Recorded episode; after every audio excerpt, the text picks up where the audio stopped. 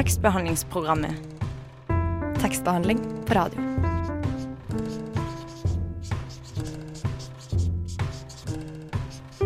Tekstbehandlingsprogrammet.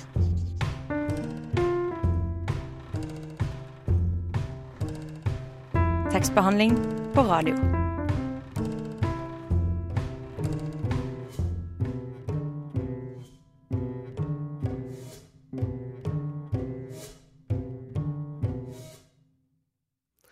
Hei og velkommen til tekstbehandlingsprogrammet.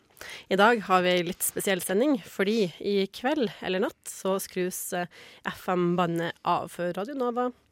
Eh, derfor så har vi klippa sammen eh, en del gamle klipp eh, som kan minne på alle de hyggelige stundene vi har hatt her på FM-bandet. I tillegg skal vi høre litt musikk, og også bli kjent med et av våre nye redaksjonsmedlemmer her i tekstbehandlingsprogrammet. Så da har dere noe å glede dere til når vi fortsetter på DAB fremover. Jeg heter Stine, og med meg i studio så har jeg Sofius. Hei, hei. Og nå skal vi høre Verdensrommet og låta 'Der jeg bor'. Det var altså Verdensrommet og låta 'Der jeg bor'. Eh, nå tilbake i studio her på Radio Nova. Eh, og vi skal bli litt bedre kjent med Sofus, som Ja. eh, har blitt med nå. Ja, men så hyggelig. Ja. Ja.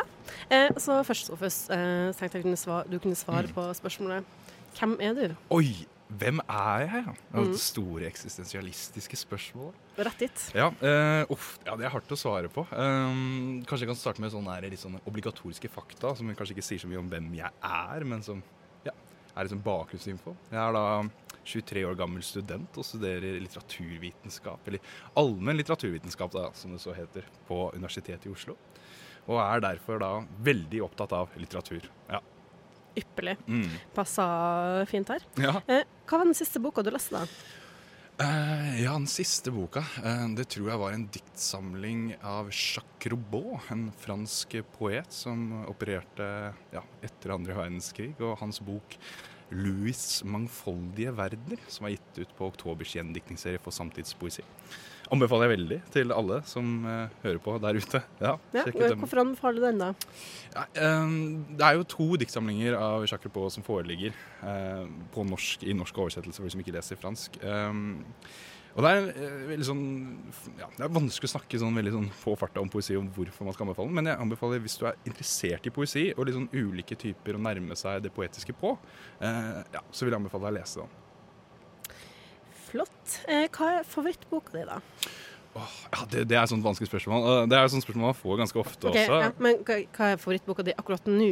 Um, rapport om Adam av Jean-Marie Gustave Leclesio. Hva er det med den boka, da? Hva sa du? Hva er det med den boka som uh, ja, det er også et veldig stort spørsmål. Uh, det er hans debutroman, uh, hvor det gikk opp for meg tilhører det der som vi kaller for den nye franske romanen, eller nybølgen i fransk litteratur. Hvor det gikk opp for meg hva man kunne avstedkomme med litt sånne klassiske fortellergrep som eh, utarbeides og jobbes videre inn i andre materialer som essistikk, avisartikler og brokker og deler opp. Han gjør veldig mye eksperimentelle ting. Samtidig som han har en sånn veldig tydelig tilhørighet eh, til en sånn sånn klassisk romantradisjon. Jeg må bare fortelle om dette, for det syns jeg er veldig fint. Ja, ja, Eh, I etterordet som han skrev, da han hadde debutert med denne boken som 23 år gammel, og vant også en veldig betydningsfull pris i Frankrike, så skriver han noe som er helt banalt og veldig rart og underlig. Han skriver i etterordet at han skulle ønske han hadde skrevet en fortelling som Sir Conan Doyle. Og, og sir Arthur Conan Doyle er jo denne britiske forfatteren som har skrevet for Sherlock Holmes-bøkene, spenningsromanene. Og det er veldig spennende å lese en bok som på en måte er så eksperimentell og så liksom underlig og rar, og ikke liksom langt fra den tradisjonen som man liksom prøver å skrive seg inn i, da, visstnok. I hvert fall som han sier selv. Så jeg husker jeg som det synes jeg stussa veldig over. Altså, det var veldig rart at han kommer der som 23-åring og vil skrive egentlig sånn krimfortellinger, men blir liksom et stort forbilde for veldig mange i den franske nybølgen i stedet. Ja, det er ganske pussig. Ja, veldig pussig. Hvem, eh, hvis du fikk velge av alle forfattere, både nålevende og døde, eh, hvem ville du intervjua Oi, eh, ja. her på Radionova. Her på radioen nå. Altså mm, Nå har jeg akkurat snakket om eh, Jean-Marie Gustave Leclesio. Eh, Mm. Og det er jo klart at han er Jeg tror kanskje at det er en mulighet for han er i live ennå. Eh, han vant i hvert fall Nobelsprisen i 2008. Da var han i live. Eh, om, han, om vi kunne fått intervjue han, så tror jeg det hadde vært veldig stort. og veldig opptatt av hans forfatterskap. Eller eh, en eh, fransk eh, filosof eh, som også er, som tendenserer til å skrive sånn skjønnlitterært, som heter eh, Rol- eh, Roland Barthes. Han også tror jeg har vært Han har du hørt om. Ja, han har vært veldig kult også å få til studio. Ja, han synes jeg er en veldig spennende type. Ja. Ja. Eh, så nå er det veldig mange navn som kanskje er litt vanskelig å uttale og sånn. Ja. Eh, mm. har du noen guilty pleasures? Oi. Hunden fra Baskerville. Ja. Astrid Conan Doyle. Ja. Altså, det er helt fantastisk. Men du tenker kanskje mer sånn i sånn samtidslitteraturen? Ja, eller noe som For det er noe Ja, som er litt flaut, ja, okay, dette er litt flaut, litt er litt flaut. Eh, Jeg var i en lang periode veldig sjarmert av verkene til Nicholas Sparks. Altså disse romantiske romanene fra liksom The Last Song, The, The Mm, Notebook. og sånn. filmatisert med blant annet Miley Cyrus. Ja, ene, jeg tror så, alle mm. filmene hans er uh, filmatiserende. Men jeg husker jeg, leste jeg, jeg tror jeg leste opptil seks romaner sånn på rappen en sommer, hvor jeg var litt sånn, hadde litt, jeg hadde litt kjærlighetssorg Spark også. Sommeren, da. Ja, det, ja. Så den, har- den skammer jeg meg veldig over. Ja. Det er godt å høre. Eh, hva gjør du utenom å lese, da? Det er det siste spørsmålet. Eh, ja, nei, da er jeg jo, eh, da er jeg jo som regel eh, på en eller annen måte involvert i å skrive eller snakke om litteratur utenfor, altså som formidling. Eh, så enten om det er tidsskriftsarbeid, litteraturfestivaler, eller å sitte over en halvliter og prate om litteratur. Altså. Det er veldig mye litteratur. Ja. Ja. Ja. Men det er veldig godt å høre at du liker å prate om litteratur. For i 2012 så hadde jeg et problem i tekstbehandlingsprogrammet, eh, som vi heldigvis ikke har i like stor grad nå. Eh, det var at det var ingen gutter som ville være med. Eh, og vi skal høre litt eh, på Elise tu, uh, Tunstrøms refleksjon over det nå. One cannot review a bad book without showing off. Tekstbehandlingsprogrammet. Always leave stuff that'll make you look good if you die in the middle of it. Tekstbehandling på radio. Tekstbehandlingsprogrammet har akkurat hatt redaksjonsmøte. Alle har gått hjem, bortsett fra én liten sjel som sitter igjen nede i glassbaren på Studentersamfunnet. Hun tar på seg jakken og tar vesken i hånden og går ut. Ute ser hun T-banen kjøre forbi, og så folder hun hendene i en bønn. Kjære Gud, hvorfor gir du oss ikke en gutt til tekstbehandlingsprogrammet? Det må jo være noen gutter der ute som elsker bøker, poesi, noveller og tekstbehandling så mye som det vi jenter gjør. Vær så snill, Gud, gi oss en gutt. Jeg vet ikke om dette scenarioet har skjedd. Eller om dette i det hele tatt er den følelsen noen av oss sitter igjen med etter redaksjonsmøtene. Men mangel på gutter, det kan vi si at vi har her i tekstbehandlingsprogrammet. Men hvorfor er det slik? Det feminine og det maskuline er noe vi forholder oss til hver dag. Vi har sosiale kjønn, og dette sosiale kjønnet gjelder også for radio.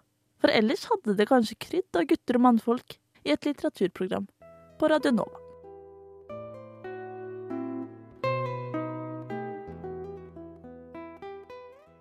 For å skaffe meg et litt bedre empirisk grunnlag, så har jeg snakket med noen tilfeldige menn i Radio Novas ganger om litteratur og radio.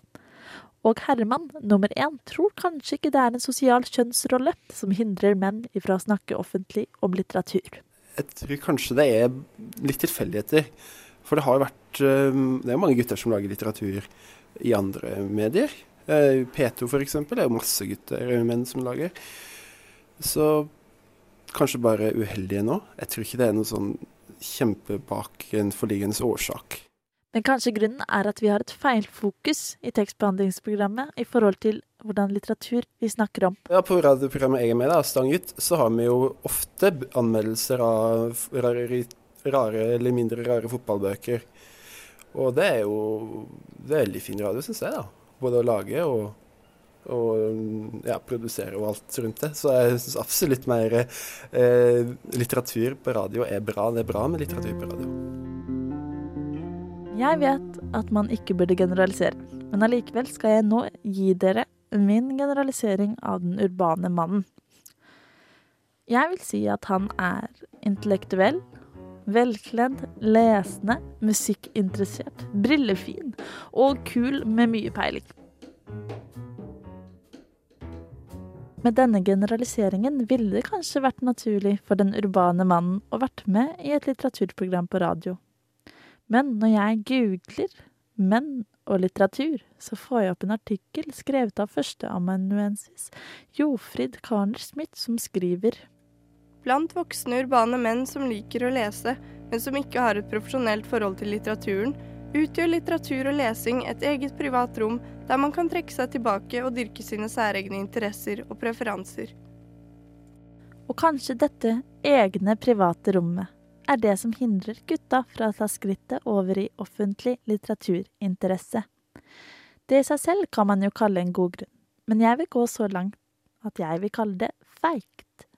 For kanskje er gutter sett i lys av en kjønnsrolle som alltid skal ha peiling, redd for å drite seg ut i forhold til å fortelle hva de liker av litteratur. Ryktene forteller at 25% av kiosklitteratur blir kjøpt av menn. Kanskje den urbane mannen leser litt for mye kioskromaner enn det han egentlig vil gå med på. Så kanskje det å snakke om litteratur kan være avmaskuliniserende. Rett og slett for privat for de fleste menn. Og neste gutt jeg hooker tak i, passer litt inn i min hypotese. Eh, Jeg vil ikke lage det fordi eh, jeg syns det er artigst å lese bøker og ikke snakke om dem. Faktum er at tekstbehandlingsprogrammet består av bare jenter. Kanskje det er en tilfeldighet, eller kanskje litteratur på radio kan være avmaskuliniserende. Uansett så ønsker vi oss en gutt, og vår redaktør Torunn kommer til å fortsette å kle seg utfordrende på Radio Novas infomøter helt til vi får en. Johnny, la gente está muy loca. What the book?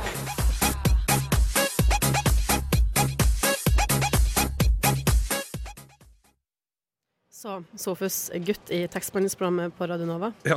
Eh, Du noterte flittig under innslaget. Hva var det det du hørte du tenkte å kommentere, eller? Eh, ja, nei, jeg syns det var veldig morsomt f.eks. eh, hvordan hun snakker om at dette egne rommet som guttene trekker seg tilbake til eh, og liksom holder for seg selv. Da. Så tenkte jeg på at det her er litt ordspill til Virginia Woolfs eh, storfeministiske bok eh, 'Et eget rom'. Da, bare i omvendt setting. Da. Her er det altså mennene som har blitt støtt ut av litteraturen og ikke får lov til å Eller velger å ikke være med på tekstbehandlingsprogrammet.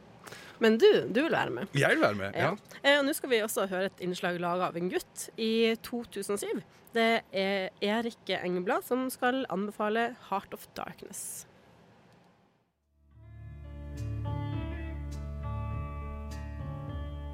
Rundt omkring år 1900 utgjorde det britiske imperiet en fjerdedel av jordklodens overflate, og hadde et folketall på over 400 millioner mennesker. Rundt omkring år 1900 kom Joseph Conrad med 'Heart of Darkness'. Det som var ment som en føljetong, utviklet seg til å bli en fortetta roman på snaue 100 sider. Romanen er blitt tildelt sin faste plass blant de store gutta i nyere litteraturhistorie. Det er sjømann Marlow som forteller om sin tåkelagte ferd opp elva i Kongo på jakt etter den deliriske kommandør Kurtz. Dette typiske reisemotivet strukturerer like mye en indre reise som den ytre reisen Marlow foretar seg, og det hele er mørkt, befengt og snikende. Ikke minst er kritikken av kolonialismen og det britiske imperiums sivilisasjonsmani en grunntone gjennom denne pluralistiske romanen.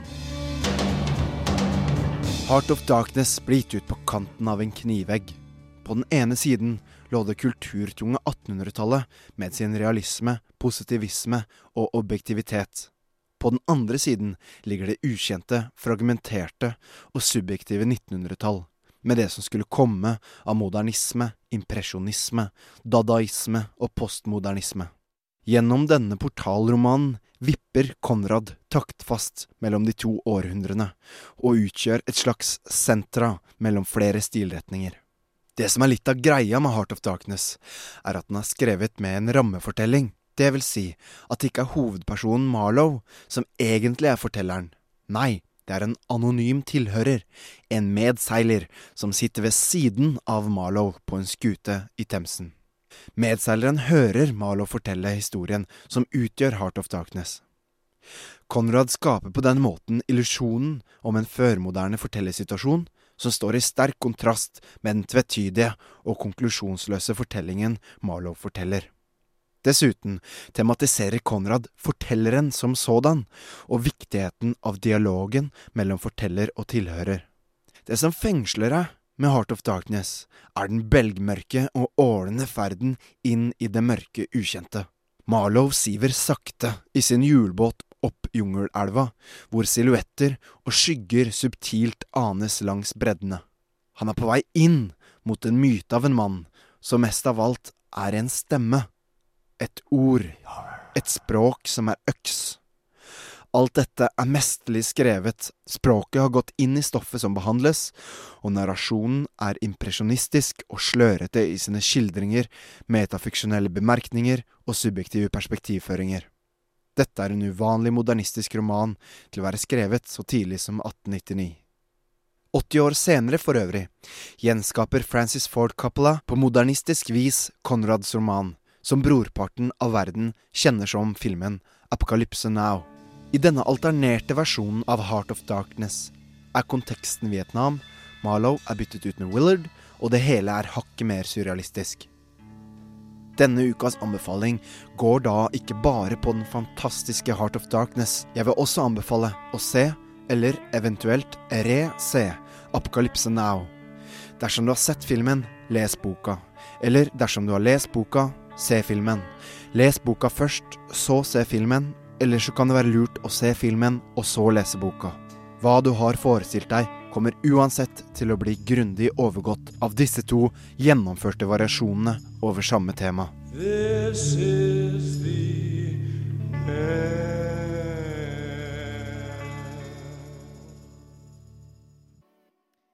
Der gikk vi fra Heart of Darkness til Distant Heart av The Session. Eh, neste innslag er fra 2009 og handler om lesevaner og mammesalg. Men før vi hører det, eh, noterte du litt nå også, Sofus, eller?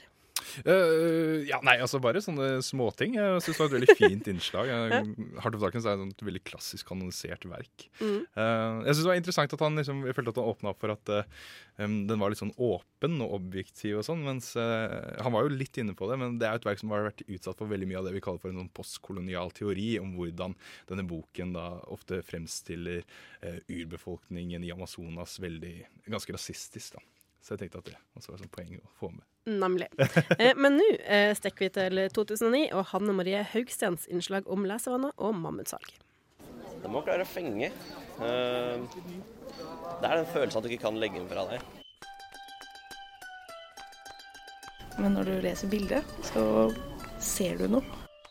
Jeg liker veldig godt de de store russiske bøkene fra 1800-tallet. Det er en sjanger som kanskje skiller seg fra det daglige, da. Mm. Mellom permer på salg og bokhyller og plakater står Maris Foltrud i sin egen verden. Det er en tegneserieverden bestående av evige vesener og drømmer. En verden der Lucifer og Jesus finnes. Eh, akkurat nå så har jeg lest eh, Neil Gaiman sin Coraline. Eh, og så har jeg lest eh, Sandman. Han er også av Neil Gaiman. Jeg er veldig glad i, veldig glad i den sjangeren. Hva handler den om? Sandman? Mm. Eh, Sandman handler om eh, eh, The Eternals, som er eh, evige vesener. Eh, ja, han er drømmekongen, da, så han styrer drømmene. Og så har han søsteren hans er døden, og det er liksom veldig mange figurer som dukker opp. Neste uke starter mammutsalget på Akademika, og ihuga lesehester kan få fylt opp i banken. Og jo da, det går mye Stig Larsson, og det går mye fra Twilight-serien. Men eh, studentene er ikke bare på fantasiflukt. For eh, under mammutsalget går det mest politiske bøker, essay og romaner, og gjerne på engelsk.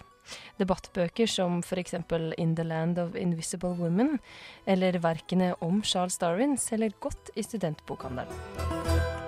Åsne Storli er litteraturstudent ved Blindern og glad i å lese. Dostojevskij og Tolstoy er liksom de jeg liker best. da. Hvorfor det? Hva er det med dem som uh, gjør at det er sånn? Jeg vet ikke. Tolstoy liker jeg fordi at det, bøkene hennes er så komplekse. De har så mange sider ved seg. Det er både liksom uh, sånn eh, romantiske historier, som jo alltid er spennende. Og så er det litt sånn litt sånn psyko psykologi involvert. Og i Krig og fred så har man alle slagscenene i tillegg, og hele den politiske sida. Uh, vet ikke, det er bare veldig De har så mange sider ved seg. Stein Erik studerer sosiologi og er glad i krig og krim. Det var Band of Brothers. av Stephen Ambrose. Hva, hvorfor leste du den? Fordi det er jo en ganske kjent serie som gikk på TV, og var nysgjerrig på hva som boka var. Den var veldig bra. Den er veldig Den handler om krigen, da. Andre verdenskrig. Og er veldig Det gir en veldig god forklaring eller beskrivelse på hvordan det var på ordentlig, tror jeg. Og jeg er egentlig ganske interessert i sånn, så veldig spennende. Samfunnsgeografen Maris Svoltrud sverger til tegneserien. Eh, fordi du kombinerer eh, bildet med, med det du leser. Men når du leser bildet, så ser du noe. Så får du assosiasjoner knytta til bildet istedenfor. Det, det er enklere på mange vis for hjernen når du har lest mye i løpet av dagen. Da.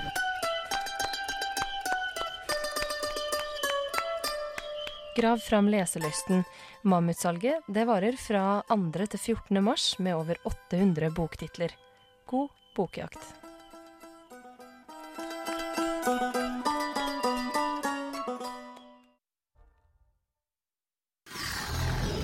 Radio Nova, FM 99,3 og radionova.no.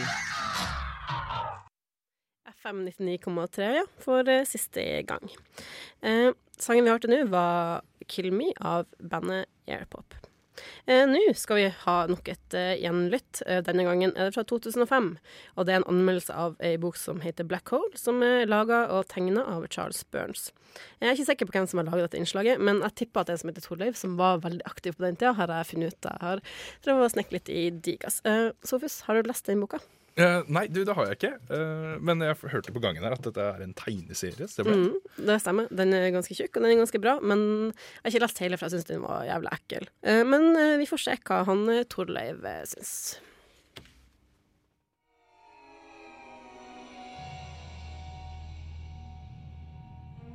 Endelig finnes nå Black Hole av Charles Burns samlet mellom to permer. Det er en serie Burns har brukt ti år på å fullføre, grunnen til at de økonomiske rammene for å drive tegneserier ikke akkurat er fantastiske. Burns har nemlig heldigvis valgt å heller bruke lang tid på serien, framfor å haste seg ferdig med den, og det syns så til de grader. Boka ser fantastisk ut. Ikke bare er selve serien nydelig tegna med en realistisk og ren strekk, selve boka ser også kjempebra ut.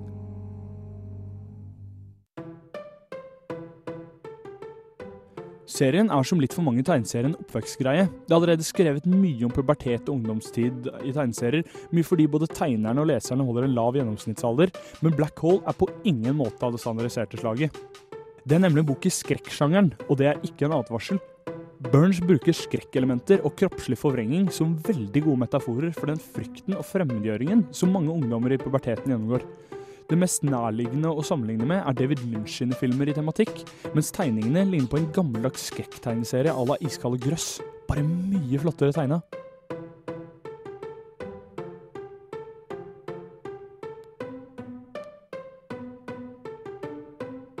Boken er satt til Seattle i midten av 70-åra, der en underlig seksuelt overførbar pest har spredd seg blant ungdommene. Den får kroppen til å forvrenges til alt fra subtile små motbydeligheter til virkelig monstrøse groteskiteter. Vi følger en vekslende gruppe forskjellige ungdommer, i første person, noen infiserte og andre foreløpig friske. De sliter med alskens problemstillinger på toppen av pestens utbredelse, da folk plutselig, på toppen av det hele, begynner å drepes.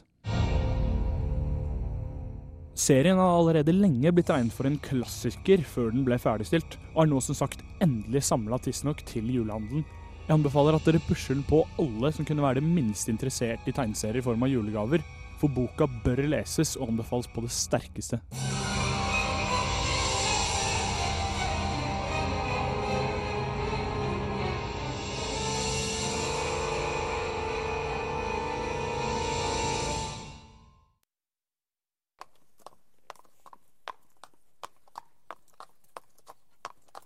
Hest er best på tekstbehandlingsprogrammet hver onsdag fra 10 til 11 på Radio Nova FM 99,3.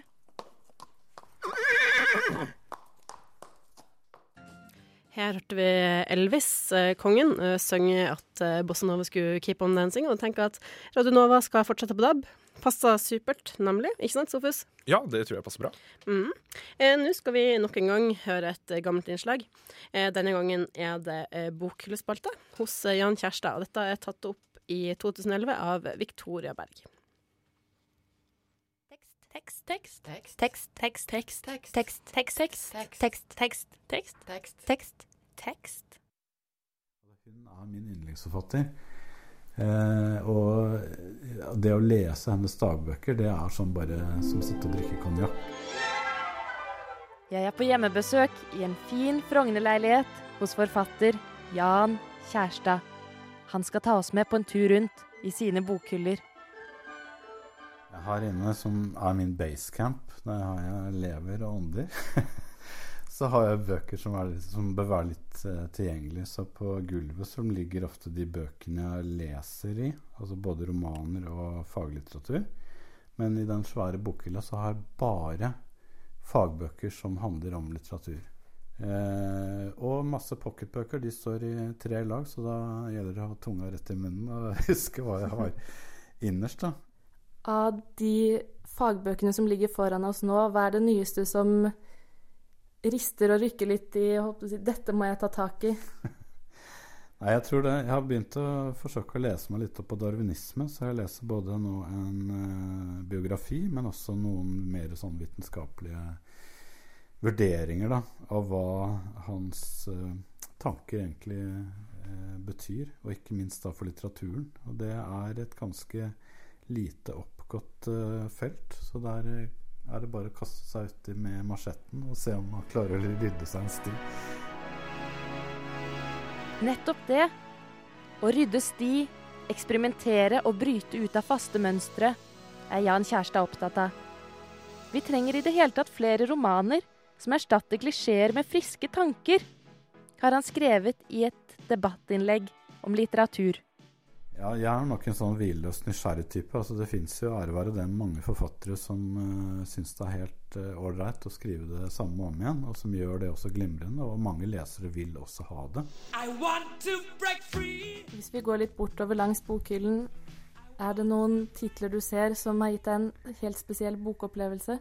Ja, det, jeg tror mange av de bøkene som står her sånn i øyehøyde, har gitt meg en stor bokopplevelse. Det er eh, ikke sant, Virginia Woolfs dagbøker, som er kanskje det beste som er skrevet noen gang. Da. Altså, hun er min yndlingsforfatter. Jeg tror at hun, hun kombinerer dette her å, å, skrive mektig når det gjelder ideer, da, og dette her å, å, være veldig med begge beina i hverdagen. Altså Hun kan skrive om Mrs. Stalloway som skal ut og kjøpe blomster til om morgenen, da, til det selskapet hun skal ha om kvelden.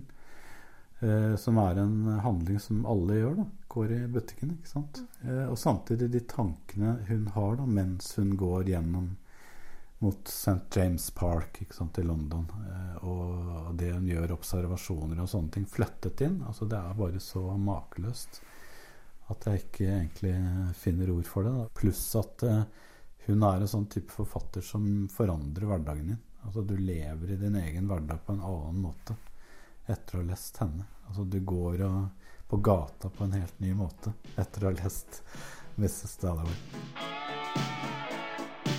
Det er slik Jan Kjærstad mener at en god fortelling er. Den virker inn i livet ditt. Men ellers så er det Når jeg ser sånn, så er alle de bøkene her er sånn eh, Det er mennesker jeg har møtt. Det er steder jeg har vært. Dette er for meg virkelighet. Det er ikke en bokhylle. Det er, en, eh, det er kontinenter med, der det bor mennesker. Og i den siste romanen min, 'Nordmanns område', så er det en av kongstankene det at jeg polemiserer mot denne boka her. Som står rett foran eh, ansiktet vårt. Eh, kanskje en av de mest kjente bøkene i verdenslitteraturen. Man sier at dette er romanens start, altså 'Don Quijote' av Cervantes.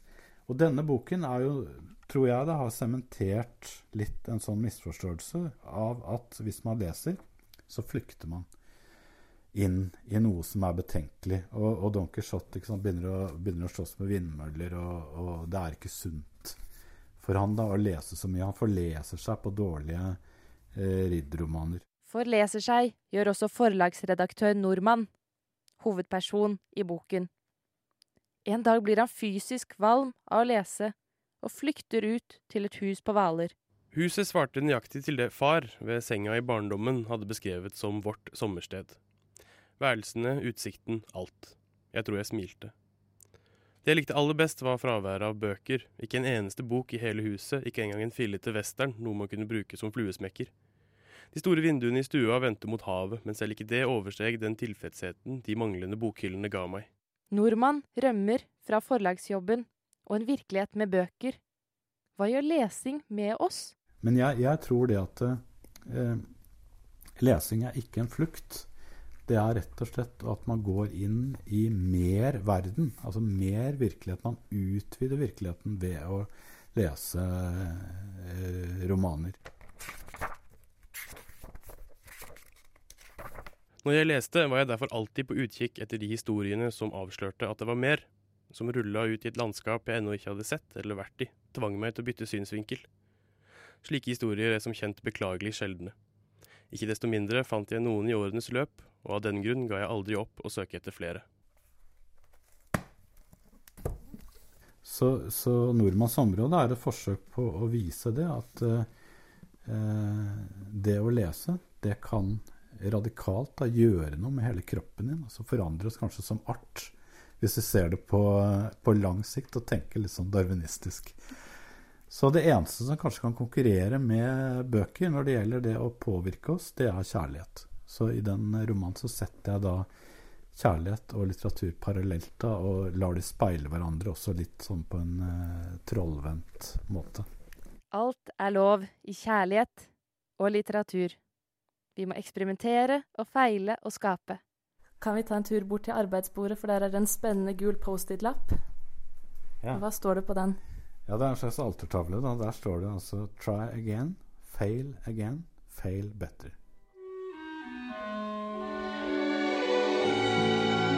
Og det er et sitat av Samuel Beckett fra en uh, rar liten uh, hva skal vi si, prosabok som heter 'Westward Ho'.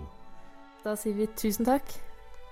Selv takk, og jeg håper at noen får lyst til å lese et eller annet vi har nevnt.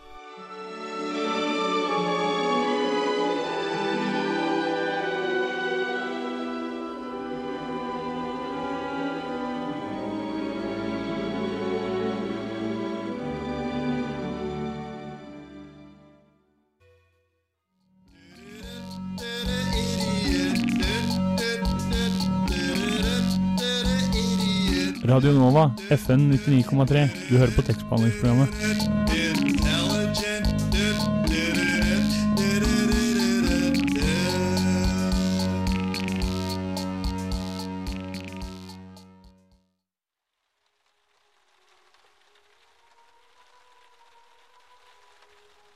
Frekvenseffektivitet. Mobilt mottak. Støyfritt. Interferens. Dekning, energiforbruk. Lydkvalitet. multiplexing, Adapter. AUX. Ettermontering. Tunnel. Utrulling. Digitalisering. Slukking. Pluss frekvenseffektivitet. Støyfritt interferens, dekning, energiforbruk, lydkvalitet. multiplexing, Adapter, AUX-ettermontering. Tunnel. Mobilt mottak. Utrulling. Digitalisering. Interferens. Digitalisering. Pluss energiforbruk. Dekning. Lydkvalitet. Multipleksing.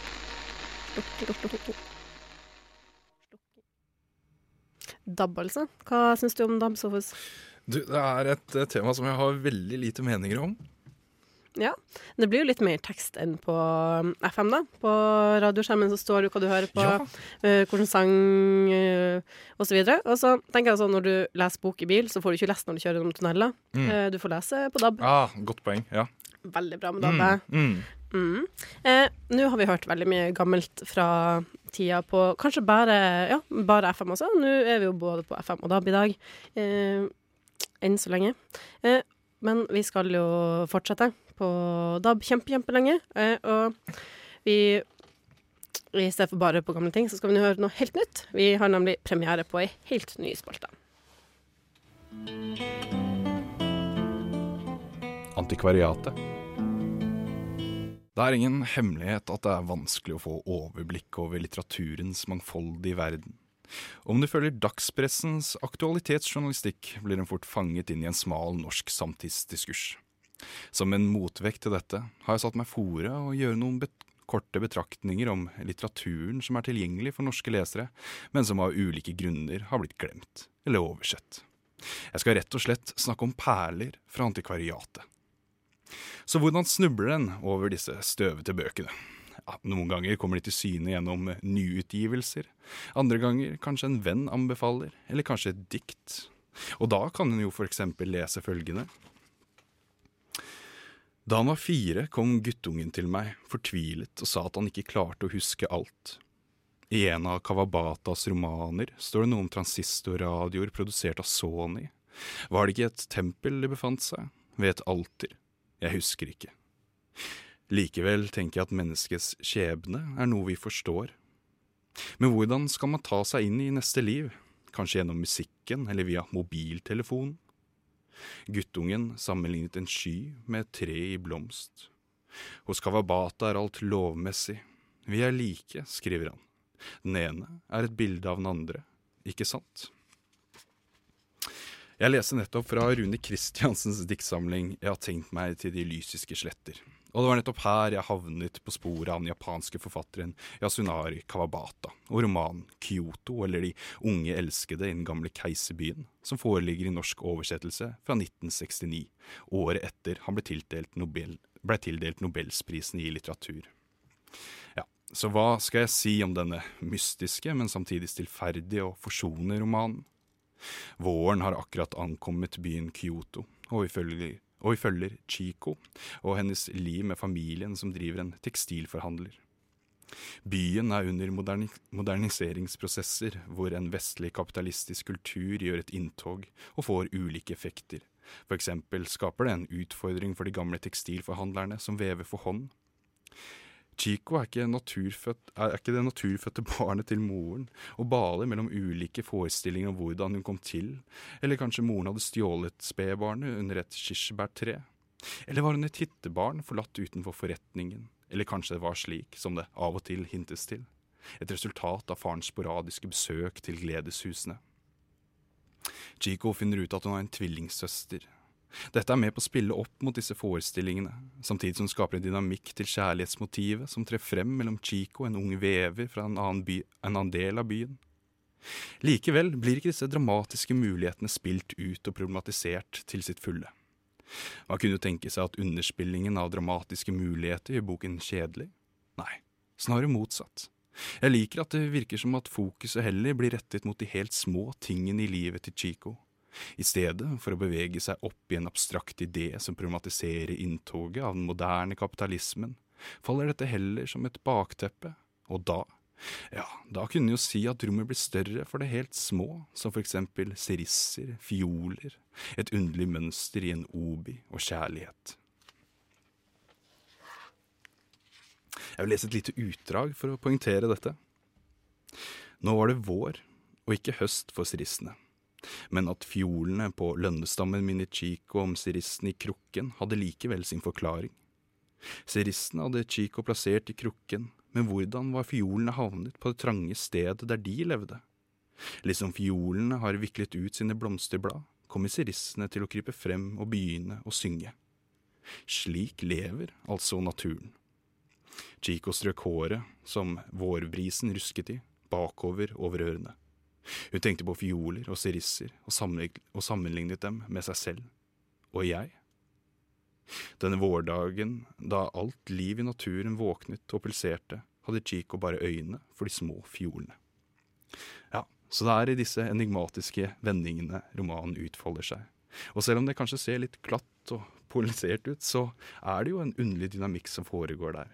Hvordan karakteren speiles i sånne helt små ting, og hvordan det er vanskelig som leser å få tak på hvordan akkurat dette fungerer. Hallo, mitt navn er Knut Nærum, og du hører på tekstbehandlingsprogrammet. Jeg går i hvert fall ut fra at du gjør det. Ja, nei, Sovius, nå er det nesten på tide at vi gir oss før vi dabber helt av. Ja.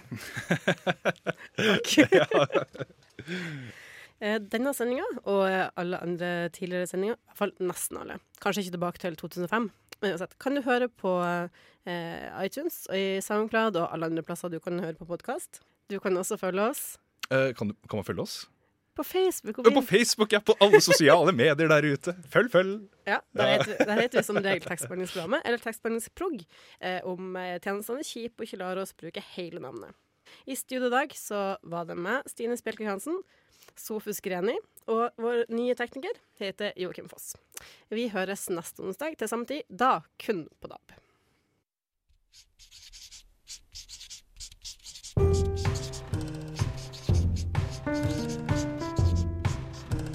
Tekstbehandlingsprogrammet. Tekstbehandling på radio.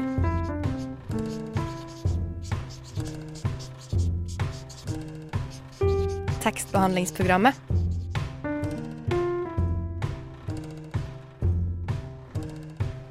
Tekstbehandling på radio.